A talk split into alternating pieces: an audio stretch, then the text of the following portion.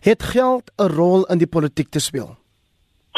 Uh Hendrik, ja, ook in 'n demokrasie solank dit natuurlik deursigtig is. Uh, met ander woorde, jy kry 'n situasie waar 'n sekere belangegroepe mense in die parlement uh die beleid probeer beïnvloed. Uh, Almal weet, hulle noem dit in Engels die lobbyist of die mense wat namens jou saak vir jou voorbrand maak. Hulle word betaal om hulle werk te doen. In die geval beïnvloed hulle beleid en dis deursigtig en ons weet wie dit is. Die tweede manier is natuurlik Hendrik is as die is die geld wat mense skenk aan politieke partye. Nou in party lande is dit ook deursigtig in Suid-Afrika is dit nog uh, onder proses. En die derde manier is dit waarna jy nou in jou inleiding verwys het, is wanneer mense probeer om die uitkoms van 'n demokratiese proses direk te beïnvloed deur betalings te doen. Die drie is natuurlik in dalende volgorde eties. Die eerste een is dink ek is word aanvaar as deel van 'n kontestasie in 'n demokrasie. Die tweede is mens sou die inligting kon kry as jy wou en die derde een is natuurlik totaal onaanvaarbaar want daardeur word die wil van die mense deur ander mense bepaal en nie deur die mense self. En wat sê dit van 'n politieke party as die soort omkoopkultuur posvat in sy geleedere? Wel, ek moet sê, uh, Hendrik, dit is uiters uiters teleurstellend indien dit waar sou wees. Uh, ek beskik nie oor, jy weet, feitelike inligting oor die omkopery waarna jy verwys nie, maar sou dit gebeur, uh, is dit natuurlik nie te verbaas as ons kyk na die tendens wat ons oor die laaste paar maande gesien het nie. Uh, ek moet dit nou maar openlik sê, dit lyk asof uh, die ANC se leierskap nie in staat was om uh korrupsie as 'n sistemiese um deel van ons publieke lewe te te, te te te laat plaasvind nie en dat dit nou moontlik onder hulle eie geleedere gebeur sal 'n mens dus nou nie verbaas nie. Behalwe natuurlik dat korrupsie nie noodwendig 'n nuwe verskynsel onder die ANC regering is nie. Nee, glad nie. Ek meen, uh, maar hierdie is 'n baie meer direkte aanslag op die demokrasie. Jy weet as hulle ons publieke geld, belastinggeld wanbestee, dan is dit natuurlik uh, verkeerd. Jy kan dit eties nie aanvaar nie want jy word as 'n amptenaar in diens geneem om publieke diens te lewer. En as daai publieke diens verander in selfdiens en selfverryking, dan tree jy nie op in die mandaat wat die wat die demokrasie jou gee nie. Maar in die geval is dit natuurlik baie ernstiger aanrig omdat tot nou toe, dit hoef natuurlik nie in 2019 so te wees nie, maar tot nou toe was die ehm uh, verkiesing van die ANC se 4000 plus lede van hulle uh politieke party se president was ipso facto ook die verkiesing van 'n Suid-Afrikaanse president. So as jy dit met geld sou koop, dan beteken dit ons het 'n gekoopte president wat nie eers die wil van die ANC se lede verteenwoordig nie, wat nog die wil van die land. So dit dit sal baie baie slegte nuus wees uh, indien dit die geval is. En natuurlik uh, die leier wat uit so 'n stryd kom met 'n wen uh, met groot berigte of dan bewese korrupsie se legitimiteit is vandag een af onder verdenking en dis baie sleg vir die president. En hoe reken jy beïnvloed dit dan so 'n leier se optrede en besluite wanneer sy of hy deur op die wyse uh, verkies is?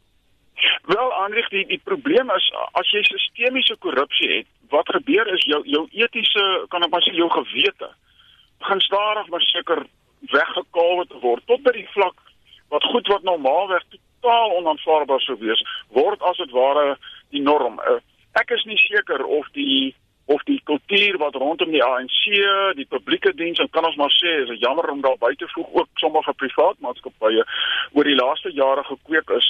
Uh nie vreeslik gaan frons as ons so leier kry nie, maar as jy my vra objektief gesproke, uh jy kan nie ek egte leierskap beoefen as mense weet dat jy jou posisie bereik het op 'n illegitieme manier nie want dit ondermyn die die platform waarop jy staan en van waar vandaan jy moet lei. Dit beteken jy kan nie 'n visie bou nie, jy kan nie mense vra om jou te volg nie want jy het nie geloofwaardigheid. Hoe moontlik reken jy sal dit vir 'n nuwe leier wees om 'n party te reinig van sy gewoontes van korrupsie of staatskaping of stemkopery?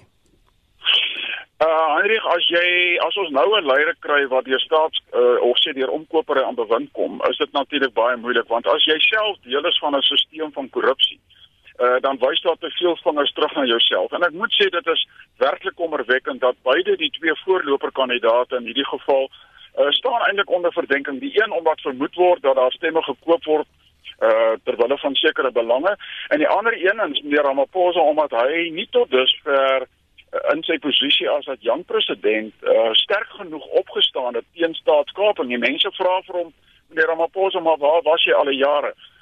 Sy antwoord waarskynlik sal wees takties gesproke in die politiek moet ek binne die stelsel bly sou ek dan verkies word uh sal ek baie sterk optree. Nou wel Hendrik, ons sal dit eers moet sien voordat ons dit glo.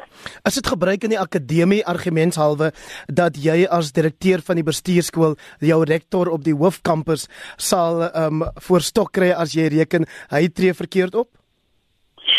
Absoluut Hendrik. Uh, uh ek meen uh, ons het in alle organisasies het jy het jy soos ons in Engels sê checks and balances. Um as as, as ek by my bestuur aankom en, en daar was 'n koerantberig dat ek geld op 'n onbehoorlike wyse by die universiteit bekom het.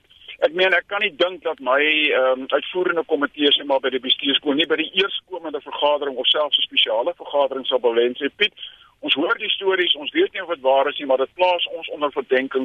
Ons moet onmiddellik optree om dit uit die weg uit te ry. Maar as jy dit een keer nie doen nie en jy doen dit twee keer nie, jy doen dit drie keer nie, dan word dit naderhand deel van jou stelsel en op die ou end dan verloor die organisasie die vermoë om homself te korrigeer omdat hy nie gebruik maak van die sisteme van selfkorreksie wat daar behoort te wees.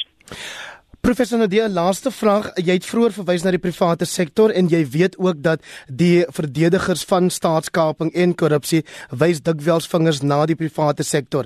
En nou het ons ja. Steinhoff in die nuus om 'n bepaalde rede. Jou reaksie daarop asseblief. Baie baie slegte nuus. Uh, dit was vir ons altyd maklik in die verlede om jy weet te wys na die uh, misbruik van publieke geld. Maar nou weet ons natuurlik ook uh, die staat doen besigheid groot besigheid uh, met privaat maatskappye. En soos in Engels sê it takes two to tango. En ons weet nou daar are baie geloofwaardige maatskappye of voorheen geloofwaardige maatskappye was wat ongelukkig hierdie situasie uitgebuit het. En dit is baie baie slegte nuus vir die etiek en in 'n land waar die vrye mark al klaar onder swaar verdenking staan uh, Hendrik maak dit nie die taak van besigheid in Suid-Afrika makliker nie terwyl ons juis nou gehad het dat hierdie land so gou as moontlik ekonomiese groei weer op weg kom kry omdat daar vertroue in die mark is. Nou weet ons die vertroue in die staat bestaan nie meer nie en nou lyk dit vir my die vertroue in die private sektor word ongelukkig ook stadig geërodeer. Miskien nie tot op dieselfde vlak nie, maar dis baie baie slegte nuus vir Suid-Afrika.